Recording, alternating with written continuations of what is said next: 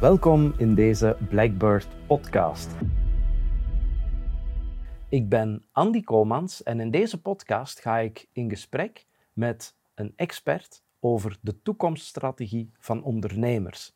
En je hoort het al aan mijn introductie, die een klein beetje anders is dan meestal, want deze keer heb ik iemand met heel veel ervaring uit de sector gehaald. Welkom, Michiel, in onze podcast. Dag Andy, dankjewel.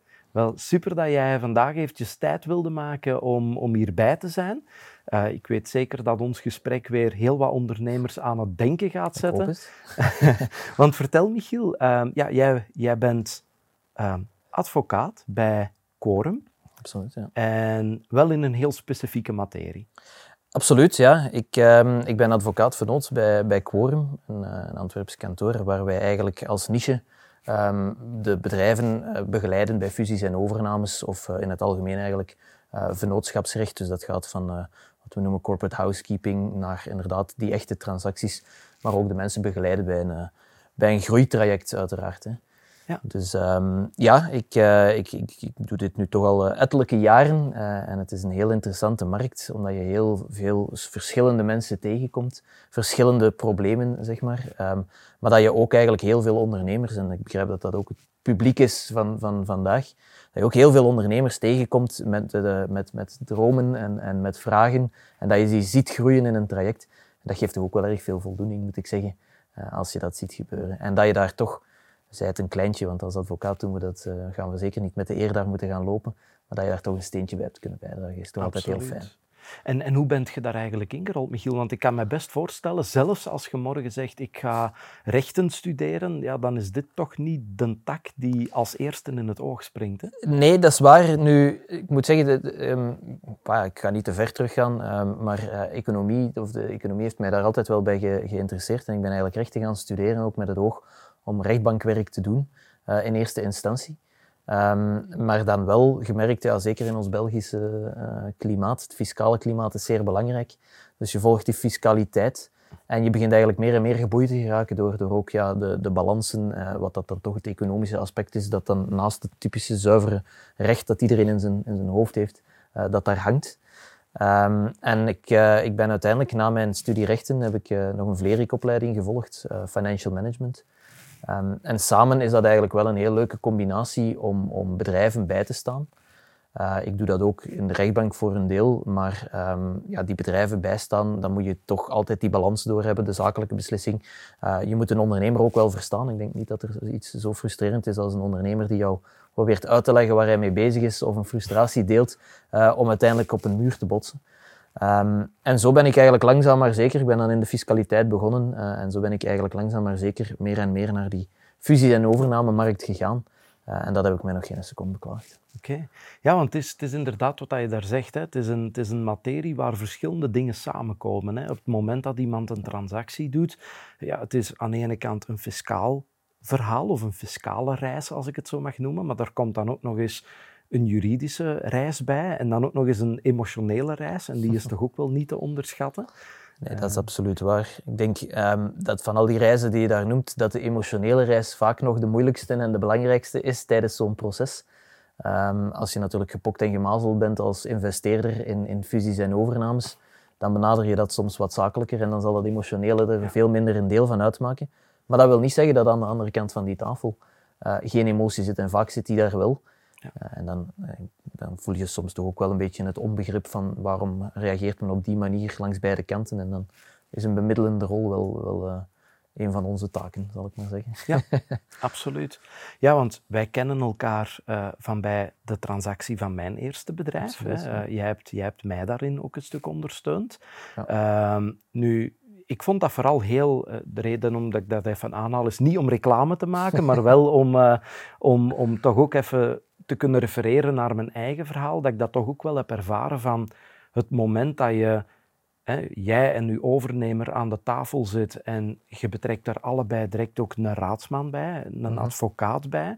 Ja, in die optiek vind ik het vaak veel geruststellender dat je de advocaten even met elkaar kan laten praten.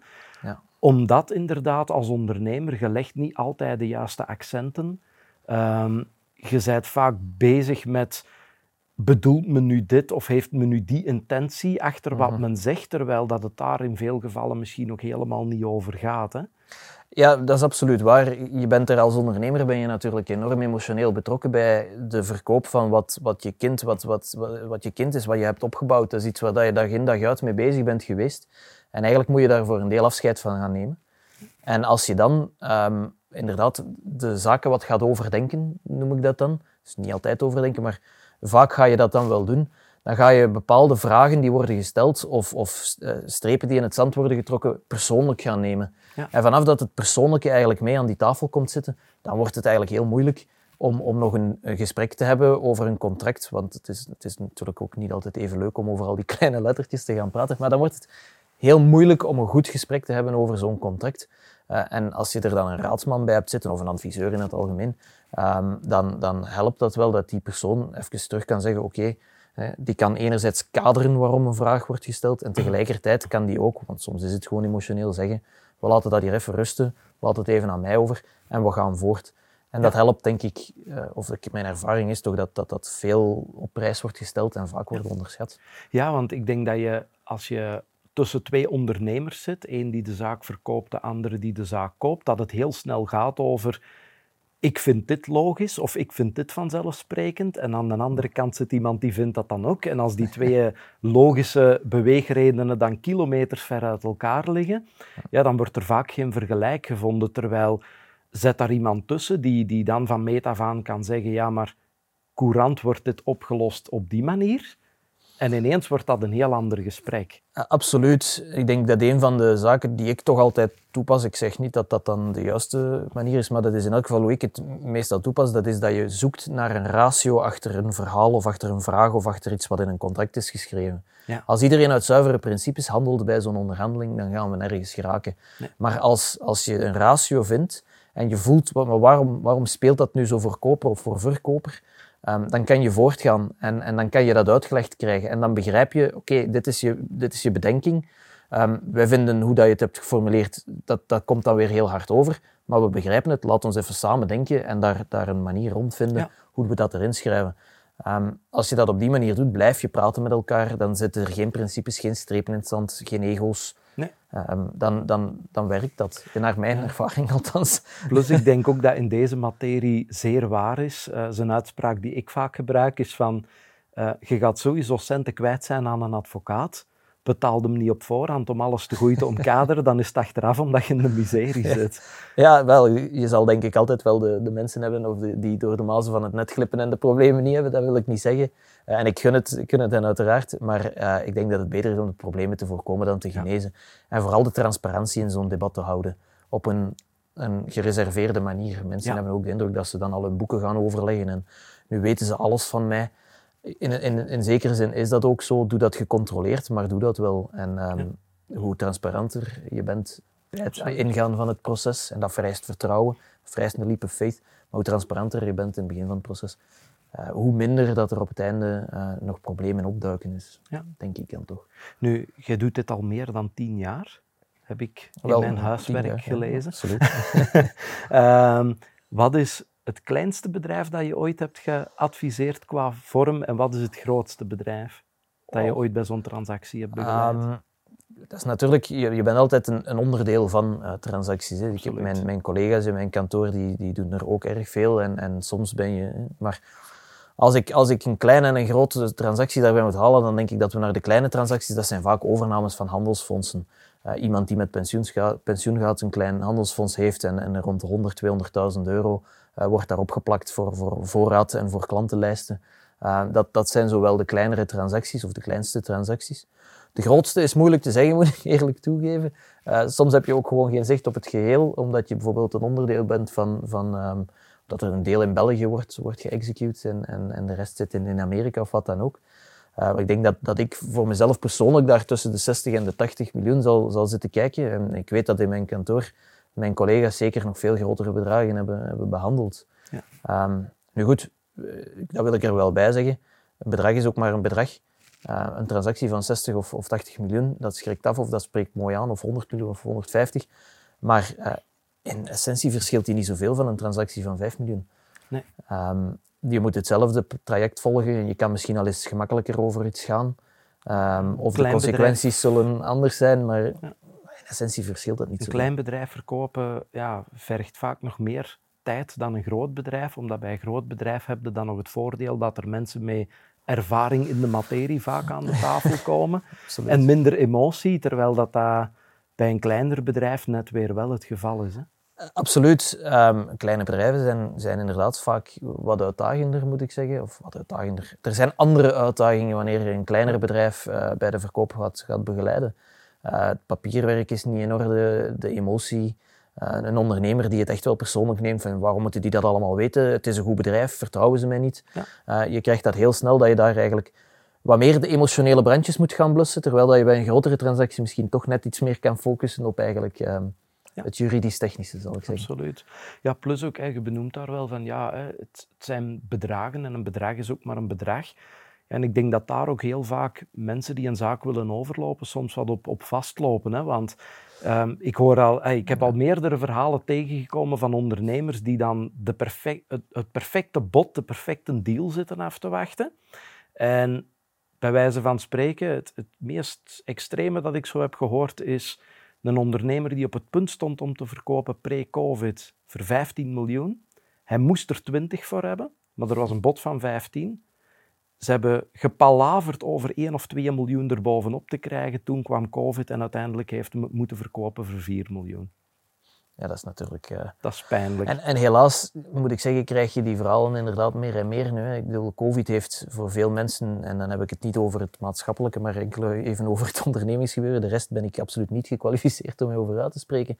Maar um, COVID heeft, heeft, heeft het ongelooflijk goed gedaan voor bepaalde sectoren. Mm -hmm. uh, mensen bleven thuis, konden niet op vakantie, zijn gaan investeren in hun huis, om maar een voorbeeld te geven.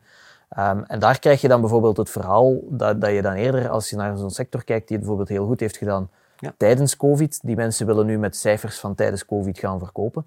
En daar ja, wordt een eerste waarde opgeplakt en je ziet die waarde dan ook gaan dalen. Hetzelfde is omgekeerd inderdaad ook, ook waar mensen die pre-COVID wilden verkopen. En het verhaal dat u aanhaalt is nu wel een heel extreem, vind ik. Dat, uh, dat wens je niemand toe die hard heeft gewerkt voor zijn bedrijf groot te krijgen. Um, maar inderdaad, ja, dat is de valkuil van de waardering. Soms uh, kan je beter een beetje minder, uh, minder euro's uh, verdienen, uh, maar wel gerust zijn dat ze verdiend zijn. Voilà. Um, dat, ja, en er is ook meer dan de centen alleen. Hè. Er is ook de deal, hoe dat je je erbij voelt. Nu, als ik, als ik mij een duidelijker beeld zou willen vormen bij wat dat jij juist doet, Michiel, wat doe jij juist wel en wat doe jij niet? Ja, dat, ten eerste, dat is een advocatenantwoord, mijn excuses, maar dat hangt er al wat van af. dus, uh, maar laten we zeggen dat in een ideaal scenario, wat ik, wat ik toch wel, wel wil benadrukken, dat is dat je eigenlijk heel vroeg in een traject wordt benaderd door je cliënt. Zij het een koper, zij het een verkoper. Um, en het hangt er dan ook vanaf, laten we het voorbeeld nemen van, van de verkoper. Als je vroeg in zo'n traject wordt benaderd, dan kan je die personen in kwestie ook een beetje door zo'n traject lopen. Uh, en dan stel je eigenlijk aanvankelijk de eerste uh, letters of intent op, of dan schrijf je daaraan mee. Um, en dat zijn eigenlijk, laten we zeggen, een beetje de, dat is het kader waarbinnen je gaat onderhandelen, wat er eigenlijk in het contract zou, zou komen, of zou, wat men zou willen hebben, wat men zou willen dat in het contract komt. En vervolgens in een normaal traject is het eigenlijk zo dat je um, een due diligence fase hebt, dus een, een boekenonderzoeksfase, uh, en vervolgens uiteraard de contractuele fase en eventueel zelfs nog begeleiding nadien. Uh, afhankelijk van hoe groot het bedrijf, hoe goed iemand uh, al ont, omringd is door, door adviseurs, um, kan het wel degelijk zijn dat wij inderdaad bij die, uh, die, die fase van de due diligence echt nog wel bijstand verlenen. Um, zeggen wat er in de dataroom komt, um, helpen met de vragen op te lossen die binnenkomen. en dat we daar eigenlijk de ondernemer zelf ook bij begeleiden en uitleggen waarom dat, dat belangrijk is, waarom dat men dat wel moet toevoegen en andere dingen die niet nodig zijn. En dan, ga je naar de contractuele fase en daar doen we eigenlijk, ja, we schrijven de contracten en we doen de onderhandelingen. Um, en ja, afhankelijk van ook weer, je hebt cliënten die daar ervaring bij, mee hebben, je hebt cliënten die daar geen ervaring mee hebben. Um, dan is je, zal ik zeggen, de bijstand die je moet verlenen met onderhandelingen, dat zal daar enorm van afhangen. Ik heb daar vooral ervaren in, in mijn eigen traject dan ook, dat als, als twee partijen rechtstreeks in discussie zouden moeten gaan over bepaalde inhoudelijke topics, -hmm. dat het daar net heel bevrijdend is om gewoon te kunnen zeggen hè, aan de tafel met de advocaten erbij van ja, uiteindelijk wil ik gewoon daar landen. Ja. En het dan aan de advocaten overlaten van en wat is nu de ideale weg daar naartoe en de manier om dat in contracten te zetten en laat daar de advocaten met elkaar over praten. En wel, dat, dat, vereist natuurlijk ook wel de leap of faith die je moet doen. Hè. Sommigen kunnen dat aan tafel met iedereen erbij. Sommigen zeggen het enkel tegen hun advocaat. Maar ik raad iedereen aan om het wel degelijk tegen iemand gezegd te hebben die in, in de transactie mee helpt om die te begeleiden. Want als je niet weet waar je naartoe wil, kan je ook geen goed contract schrijven. En at the end of the day is het altijd ongelooflijk belangrijk dat zo'n contract dat is groot. Dan moet je goed begrijpen, dan moet je door geweest zijn, je moet elke clausule goed begrijpen. Maar at the end of the day is het dan ook belangrijk dat je je comfortabel voelt met wat daarin staat. En in elk contract staan bepalingen waar je je minder comfortabel bij zal voelen, maar dat is meestal net om eigenlijk aan een bezwaar van de andere kant tegemoet te komen, die net hetzelfde zal meemaken met, met de koper of verkoper. Um, het, is, het bevrijdend om dat te zeggen en het, het, is, het is heel goed dat het vertrouwen in adviseurs dan wordt gesteld. En het zijn die situaties waarbij dat we vaak merken dat het ook het vlotst gaat. En voorlopig, en ik hoop dat ook, dat dat zo blijft, dat er op termijn dan ook de minste issues nog naar boven komen nadien. Um, als transparantie wordt geboden, dan, dan gaat dat, dan, dan voelt dat. Ja, dat was mijn aanvoelen gewoon van als je, als je kunt praten over wat is het uiteindelijke doel en je kunt dat gewoon uitspreken, dan zijn een veel waardevoller dialoog aan het voeren in zo'n gesprekken dan dat je u moet... En dat is wat dat ik dan vaak hoor dat bij andere gesprekken wel gebeurt, is dat men gaat zeggen, ja, en, en dit moet in het contract staan en dat moet in het contract staan, maar men, men vertelt eigenlijk niet van wat is het uiteindelijke doel van wat daarachter zit. Hè? waarom moet dat in het contract staan? Ja, die ratio daarachter is ongelooflijk belangrijk. Hè? Al is het ook maar opnieuw om, om om mensen te horen wat, wat, wat drijft u nu, waar wil je naartoe en wat is, wat is je bezorgdheid. Ja. Als je een, een, een, onderneming verkoopt en er komt wat men noemt een, een specific indemnity in het contract, uh, dat wordt daar dan door de koper ingezet, dat zet doorgaans al eens kwaad bloed. Vraag dan. Een specific indemnity, ja, dat is um, als je, een, om het niet juridisch technisch te maken, als je een bedrijf koopt, um, dan koop je aandelen. Maar um, aandelen, dan, die, je wordt volgens ons Belgisch recht onvoldoende beschermd eigenlijk tegen alles wat eronder hangt. Zijnde, was die boekhouding in orde uh, en dergelijke meer. Je bent enkel beschermd tegen, uh, laten we zeggen, ze, hebben die aandelen stemrecht of niet en zijn die wel de volle eigendom van. Um, dus men gaat die doorlichting doen en dat is dan die due diligence dat, dat waar we over spreken. En uh, in België is het althans wel vaak de gewoonte dat men, en dat noemen we dan weer met full disclosure werkt. Dat houdt in, alles wat je zegt tegen je kandidaat-koper, dat weet hij. En daar kan hij eigenlijk niet meer voor naar, naar, naar jou als verkoper komen, omdat je het gezegd hebt. Dat is niet verborgen, dat is geen verborgen gebrek. Um, nu, soms zegt die kandidaat-koper, ja, je hebt mij dat nu al gezegd, maar ik accepteer dat niet. Ik ben daar niet mee akkoord. En dan zegt hij, ondanks dat je het gezegd hebt, ga ik toch opnemen in het contract dat je mij gaat vergoeden als daar een probleem uit voorkomt. En dat is wat we noemen een specific indemnity. Je haalt dat eigenlijk uit het gehele principe van, je hebt het gezegd, dus je bent beschermd. Dus ook verklaring naar waarborgen is alles wat je zegt. Ja, men ligt dat eruit en men zegt, je hebt dat nu wel gezegd, ik ben er niet mee akkoord, je gaat het betalen. Ja, want die verklaringen en waarborgen, dat is wel ook iets, denk ik, in het proces waar dat heel veel verkopers van een bedrijf misschien niet genoeg bij stilstaan. Hè? Want dat is zoiets, men, men ziet een bod, men ziet een zak centen, men ziet, oké, grote lijnen, wat engagement moet ik hier nog oppakken? Maar dat er ook nog bepaalde aansprakelijkheden zijn en zo. Ja, wel, ik denk dat, dat het als ondernemer, als je je bedrijf verkoopt, moet je heel goed voor ogen houden dat op het moment dat je die ondertekening hebt gezet en je krijgt het geld op je rekening, dan is het zeker nog niet gedaan. Het zal een bevrijding zijn, daar ben ik mij van overtuigd, maar het is nog niet gedaan. Uh, en dat uit zich in, in verschillende zaken. Je hebt de latente risico's, uh, zijnde dus, ja, men komt toch nog met, met, een, met een vordering tegenover u als verkoper omdat je iets niet in orde had of omdat er schade uit, uit het verleden voortvloeit en dergelijke meer. Maar ten tweede ook, en, en dat is toch ook wel belangrijk, men gaat toch ook wel vaak vereisen dat je nog meewerkt in het bedrijf. Um, al was het maar voor een overgangsfase, je bent het gezicht geweest van het bedrijf. En vaak, hoe kleiner het bedrijf, hoe belangrijker dat engagement van verder te werken binnen het bedrijf. Dus het is zeker nog niet gedaan op dat moment. En dat moet je, dat moet je altijd voor ogen houden. Zowel naar het verleden toe, wat is er gebeurd in het verleden dat een risico kan opleveren, als naar de toekomst welk engagement als voormalig eigenaar moet ik hier nog leveren, opdat mijn koper zich comfortabel voelt. Misschien wil ik ook eens even in een heel andere richting, want jij begeleidt natuurlijk niet alleen bedrijven die verkocht en gekocht worden. Um, ook in het begin, denk ik, en daar wil ik misschien toch ook even naartoe, um, is die contracting, waar je dan van spreekt, het opstellen van de nodige contracten en overeenkomsten. Toch ook vaak wel iets wat daar zo'n beetje stiefmoederlijk behandeld wordt, um, te weinig aandacht aan geschonken wordt. Ik kan er geen exact cijfer op plakken, maar ik weet het aantal ondernemers, venoten die samen een bedrijf starten en die dat aan de basis, aan de voet van de berg doen, zonder daar een goede shareholders agreement bijvoorbeeld voor op te maken. Um, het exacte percentage, zoals ik al benoemde, ken ik niet, maar het zijn er verdomd veel. Ja, ja het, zijn er, het zijn er sowieso veel te veel.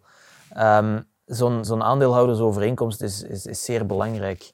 Um, opnieuw, het vereist transparantie. Als je gaat samenwerken met iemand, zij het door een koop-verkoop of om, omdat je samen een bedrijf gaat uitbouwen, dan moet je goed weten wat de verwachtingen van elkaar zijn. En dan moet je weten waar je naartoe gaat, zodat je weet of dat je je kan concentreren op de business. Het is eigenlijk zo simpel als dat.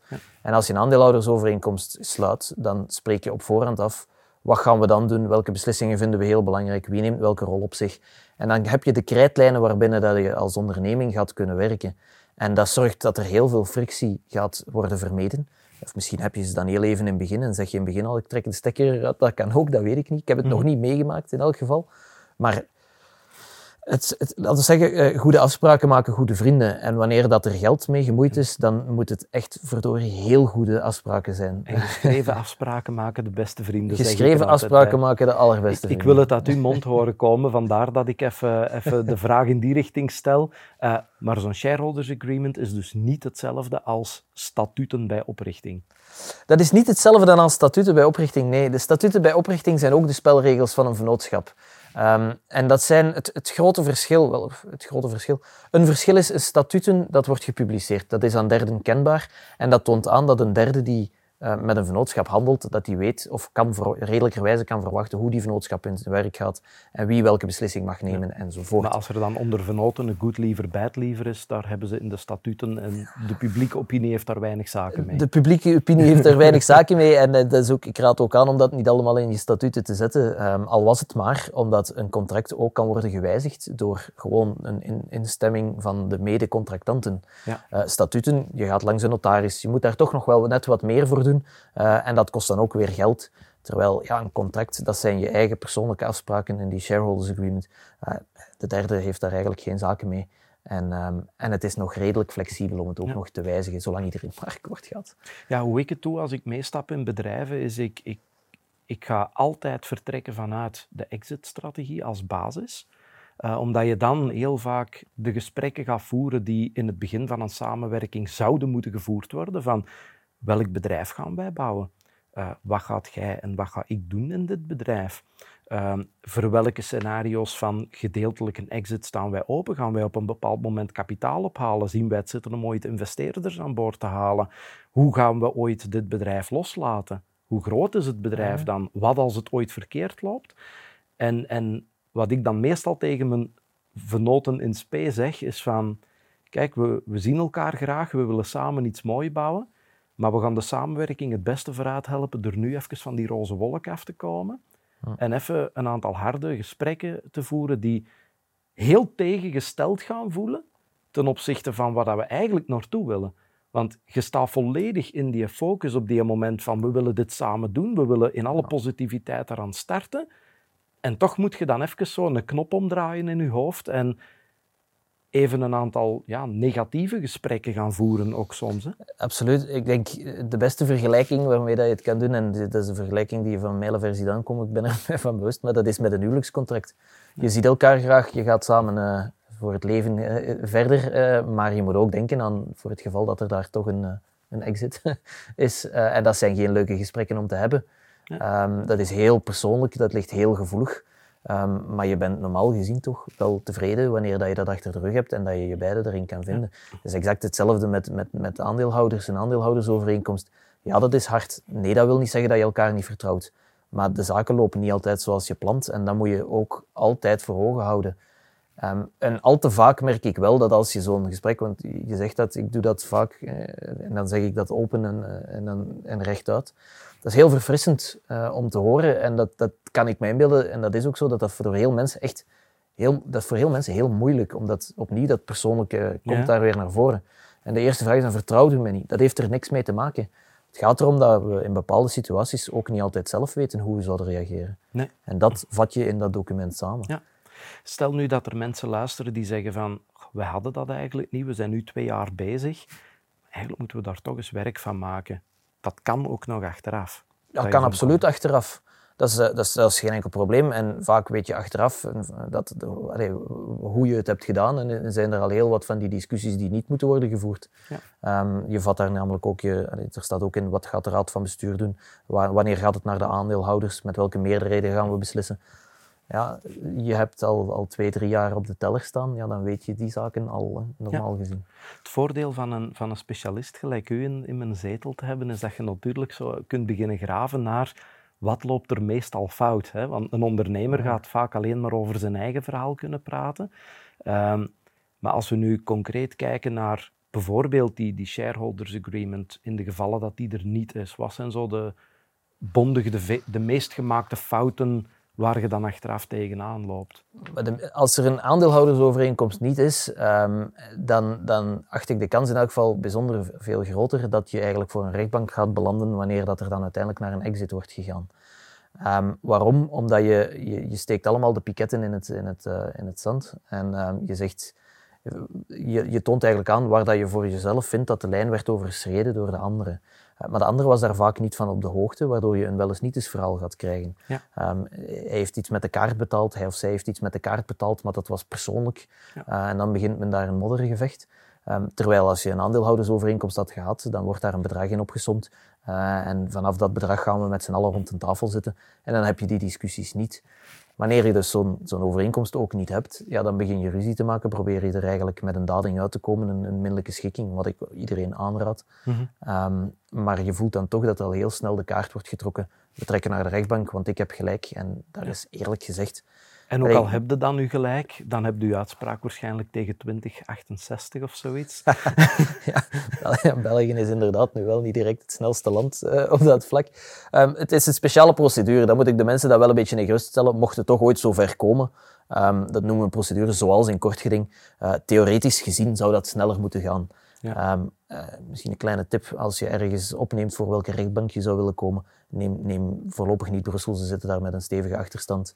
Uh, en inderdaad, daar is het uh, 2025, 2026 nu ja. uh, voor een zaak die al uitgeconcludeerd is. Dus ehm, je wil een snelle, correcte, goede oplossing en eigenlijk wil je al in eerste instantie niet in de discussie geraken. Zet het dan op papier, want in een aandeelhoudersovereenkomst wordt het vaak eh, goed geregeld en als je die niet hebt, ja. dan... Het zijn de kleine dingen die, die de bal aan het rollen brengen. Ja. Als ik terug richting de wereld van, van transacties en zo ga, um, misschien even specifiek naar die onderhandelingen toe, omdat dat toch mhm. zo'n onderbelicht verhaal is dat heel vaak terugkomt. Um, ja, je zit daar heel snel in een tegengesteldheid. Hè? En, en ik denk dat dat het moeilijkste is, zeker als je met mensen een transactie gaat doen, ook mensen die je kent. Hè? Denk aan medewerkers of denk aan mhm. familieleden of noem maar op. Ja, op die moment zit je heel even in een wereld waarin dat, dat je het einddoel is gelijkvormig, maar intussen tijd, de weg naar dat einddoel is toch wel eventjes tegengesteld. Hè? Jij als verkoper, je wilt er zoveel mogelijk verkrijgen, om nu maar een simpel voorbeeld te geven, maar uw koper die gaat zo weinig mogelijk willen geven. Ja, um, dat is waar. En, en dat zet al vaak, hè, ik, ik, herinner mij een uitspraak van, van een expert die ik, die ik daar ooit ook ingesproken heb, en die zei mij van, um, bijvoorbeeld rond vendorloans en earn-outs, die zei van, ah wel Andy, als ik aan de kant van de verkoper zit, nee, van de koper zit, dan is dat het eerste waarover ik praat. En aan de kant van de verkoper, zei hij, is dat het laatste waar dat ik het over wil hebben. Ja, nu, het, klinkt wat, het is wat overgeromantiseerd, denk ik, maar ik vind altijd, um, zo'n transactie is eigenlijk voor het, voor het overgrote deel geen verhaal van tegengestelde. Nee. Je wil allebei inderdaad, zoals je terecht zegt, je wil naar datzelfde doel. En eigenlijk als koper wil je kopen en als verkoper wil je verkopen. En ik denk dat het altijd heel belangrijk is om dat voor ogen te houden. Ja. Um, Zit je dan in die onderhandeling met tegenstrijdigheden? Ja, uiteraard zit je daar met tegenstrijdigheden. Um, maar ook daar, eh, je neemt het voorbeeld van, van de prijs en de manier waarop de prijs wordt gestructureerd. Dat is al, al een heel, dat is de grootste tegenstrijdigheid in mijn ogen. Mm Al de rest gaat over een manier van samenwerking en over wat ben ik aan het kopen en wat gaan we daarmee doen. Mm -hmm. um, als je naar de prijs gaat kijken, dan denk ik, eh, daar ook is het heel erg belangrijk dat je van in begin um, goede adviseurs eigenlijk naast je aan tafel hebt zitten. En dat die niet met een heel groot bedrag komen als je verkoper bent van ik denk dat je er dat zeker gaat voor krijgen en dat je dan zegt dat is het en het blijft in je hoofd zitten. Nee, die afspraken moeten goed gemaakt worden, die cijfers moeten goed worden voorbereid en er moet transparantie worden gegeven over wat de prijs is. Ja. En al de rest daar rond, dat is eerlijk gezegd voor mij een modaliteit van hoe de samenwerking verder gaat gaan. Waardoor dat als je de angel van de tegenstrijdigheid eruit haalt, dan eh, vertrouw ik meest op een goede positieve afloop. Als je daar nu over spreekt en je gaat in die onderhandelingen, hè, want dat is toch een van de fases. Oké, je kunt wel mensen met u mee aan de tafel zetten, maar heel vaak stel ik vast dat ondernemers met een KMO die beginnen aan hun transactie vanuit het idee, oh, ik heb een M&A-partner aangesteld of hè, die gaat mij helpen bij die overname en die doen alles. Maar de wereld van ik betaal een commissie aan zo'n partij en ik zal nog wel eens een keer naar die mannen in een bureau gaan om de contracten te ondertekenen bij de signing en de closing. Ja, die wereld bestaat niet. Hè? Dus in die onderhandelingen ga jij toch mee een zichtbare rol moeten spelen. Wat zijn zo echt concrete tips die jij vanuit uw ervaring zou kunnen geven aan ondernemers van zie, als je in die fase belandt en je gaat dan die onderhandelingen starten, doe dan zeker dit of doe dan zeker dit niet? Um, mijn antwoord gaat, gaat, een tegenstrijdigheid in zichzelf bevatten, vrees ik. Maar ten eerste eh, denk ik dat het heel belangrijk is dat je voor jezelf eigenlijk je verwachtingen al eens goed oplijst. Mm en dat je ook zegt, hier ga ik niet mee akkoord en hier ga ik wel mee akkoord. De zogenaamde eh, de do, do's en de don'ts. Ja. Um, dat je zeker voor jezelf dat, dat heel goed uitschrijft, verwacht, daar moeten we naartoe gaan en dat heel goed overlegt met uw adviseur. Ja. Uh, ik denk dat dat het eerste punt is. Het tweede punt wat ik daar dan bij zeg, van doe dat dan niet, ja, maak daar nu geen heilig principe van waar je niet van gaat afwijken. Een contract is een balans. Ja. Dat is een geven en een nemen. En dat wil zeggen dat je waarschijnlijk, hoogstwaarschijnlijk, van een van die principes die je daarop schrijft, dat je daar wel van gaat moeten afwijken. Mhm. Dus wees ook pragmatisch en trek die lijn niet te zwaar in het zand, maar probeer mee te redeneren.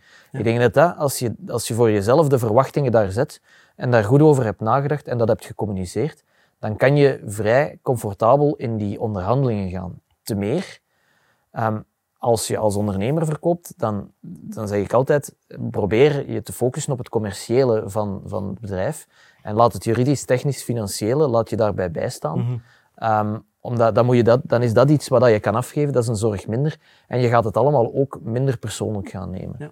Dus um, ja, ik zou zeggen, uh, probeer je verwachtingen goed, goed te zetten. Ja, ik, ik heb daar ooit uh, een tip gekregen en, en die heeft mij ook goed geholpen. Want het is wat je zegt, hè, het, is, het is zaken in balans krijgen op een bepaald mm -hmm. moment.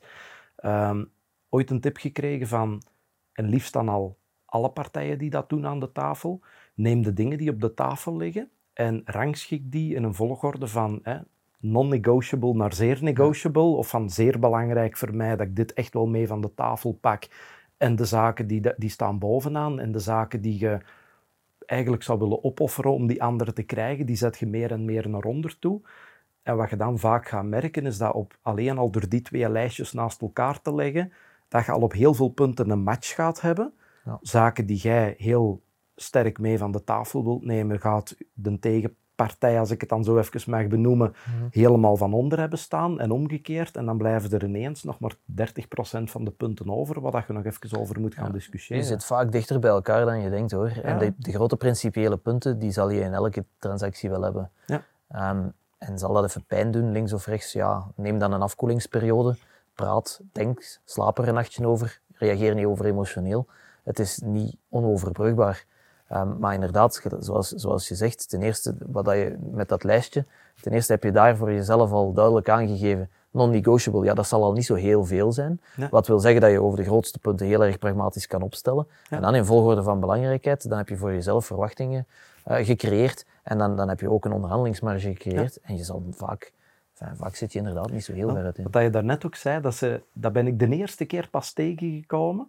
Misschien ligt dat aan mij. Hè? In, in, op het moment dat ik zelf ook met onze transactie bezig was, is dat je in gesprekken gaat en in onderhandelingen gaat, waar dan op een bepaald moment wordt gezegd: Oké, we gaan het hier voor vandaag afronden, we steken het een week in de vriezer, um, laat alles te gooi even tot rust komen en dan gaan we na een week terug verder. Ja, Wat eigenlijk een... een evidentie is als je in zo'n grote, complexe onderhandelingen zit. Hè? Want dat zijn vaak ja, mhm. de contracten die je op het einde moet ondertekenen zijn vaak een reflectie van hoeveel zaken dat er moeten besproken worden. Misschien nog eentje waar ik, uh, waar ik richting afronden zou willen gaan. Ehm, wat met het engagement na de verkoop? Hè? Ehm, want dat is toch ook wel een punt dat vaak onderschat wordt, mhm. denk ik dan. Uh, maar ook wel een punt waar ik heel vaak zie dat, dat de zaken daar. Misschien is dat een zijde die ik vooral zie, omdat ik vooral met mensen ook spreek die willen verkopen op een bepaald moment in hun carrière. Maar dan merk je vaak toch ook wel dat er voorstellen op tafel landen waarbij dat de verkoper soms nog in een, in, voor een onredelijk lange periode mee in de risico's wordt getrokken of waar het niet in balans is. Hè. Uh je hebt geen zeggenschap niet meer, maar we gaan hier wel uh, x tientallen procenten nog in een earn-out steken en van die toestanden. Die balans daar is sowieso een hele belangrijke, maar zijn er daar concrete tips dat jij aan ondernemers zou meegeven van let daar wel op? Eh, ik denk dat het altijd een red, een red flag is um, dat wanneer je toch niks te zeggen hebt, je het ondernemingsrisico nog mee moet gaan dragen. Ja. Dat, vind ik, um, dat vind ik eigenlijk, dat is, dat is volledig fout. Um, de manier waarop dat je eigenlijk een engagement naar de toekomst moet benaderen als ondernemer en als koper slash verkoper, dat is dat je eigenlijk mee een bedrijf verder gaat leiden en dat je daar ook nog voor kan worden beloond. Al was het maar omdat je in het begin hebt gezegd, ik ben er zeker van dat mijn bedrijf nog heel lang goed gaat werken. Um, neem maar, vertrouw me maar en je moet me die prijs betalen. Dan kan het zijn dat de, dat de koper zegt, uh, put your money where your mouth is en, uh, en regel het dan maar. Um, heb, ik, heb ik daar erg veel, veel echt tips bij? Niet echt. De rode vlag, denk ik, dat is iets wat iedereen altijd uh, voor ogen moet houden. Uh, en het onredelijk karakter, inderdaad, van onredelijk lang daar nog, nog aan, het, aan het schip gaan, gaan beginnen uh, trekken, dat, dat gaat niet. Nee. dat, mag, dat mag je niet doen. Er moet een ratio zijn achter alles wat er na de transactie gebeurt ook. Mm -hmm. En die ratio die moet uitgesproken worden. Um, ben je, was het een one-man show, dan is het logisch dat je gedurende x aantal jaar je ook echt volledig gaat moeten inspannen als zoals vroeger en rustig die uitloopperiode gaat moeten gaan, ah, ja, voorzien. Je hebt dan een bedrijf in de markt gezet waar een koper zegt ik ben bereid om u daar een bepaalde prijs voor te betalen, maar als jij hier morgen niet meer bent, is er geen bedrijf meer. Dus per definitie is dat al veel risicovoller voor de koper. Dus dan is het ook logisch dat je nog hè, drie tot vijf jaar meestal nog een tijd echt die, die zaak blijft vastpakken. Voilà, en dat is logisch voor koper en verkoper, denk ik. Eh, als, als, ver, als de verkoper voldoende geld wil krijgen ja, en het is rond hem of haar opgebouwd, moet hij ook zorgen dat hij het rustig kan overdragen. Als koper is het heel, heel aangenaam om te weten dat er iemand zijn of haar schouders nog onder zet en er echt voor gaat om, om dat bedrijf nog groter te maken.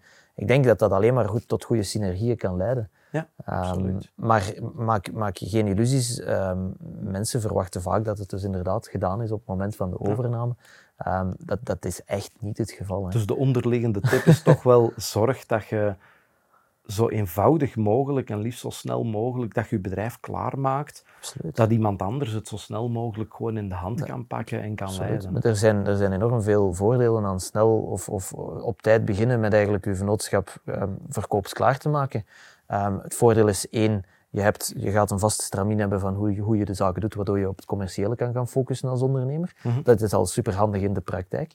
Twee, um, er moet maar eens iets onverwacht gebeuren met jou als ondernemer. Uh, wat moet er dan met het bedrijf gebeuren? Op zijn minst zal het bedrijf dan in goede, in goede staat zijn en zal iedereen er gemakkelijk wegwijzing in kunnen maken. Um, en, en ik denk ja, gewoon in het algemeen, je, niemand heeft ook graag, laten we zeggen, een, een peer review. Um, dus uh, als je doet alsof je een peer review hebt, uh, op, alsof het op elk moment kan komen, wat in België misschien fiscaal gezien ook wel het geval is, uh, dan ga je ervoor zorgen dat je huis op orde is. En als je huis op orde is, dan gaat het goed draaien. En als het goed draait, ga je het goed kunnen verkopen en ga je geruster zijn voor jezelf. Ja. Ik denk dat dat heel belangrijk is. Ja. Absoluut. Absoluut. Nee, Michiel, dank u om, om hier vandaag te gast te willen zijn. Heel veel ehm, plezier, dank je wel. Ik denk dat dit een gesprek was met heel veel tips om uh, ondernemers aan het werk te zetten. En uh, ik ga eventjes nog afscheid nemen van, van de kijkers en de luisteraars. Kom ik zo dadelijk nog eventjes bij jou terug. Dus beste mensen, met z'n allen richting de advocatuur. Uh, want de belangrijkste les uit deze aflevering is ongetwijfeld, als je het niet op voorhand doet, dan zit je achteraf met de brokken. Maar nee, eventjes serieus nu. Uh, ik neem even de bocht uit dit gesprek en ik zie jullie met veel graagte terug voor een volgende aflevering. Wil je meer weten over dit topic? Wel, volg mij dan op social media. Wil jij als ondernemer ook werk maken van jouw toekomststrategie en die van je onderneming?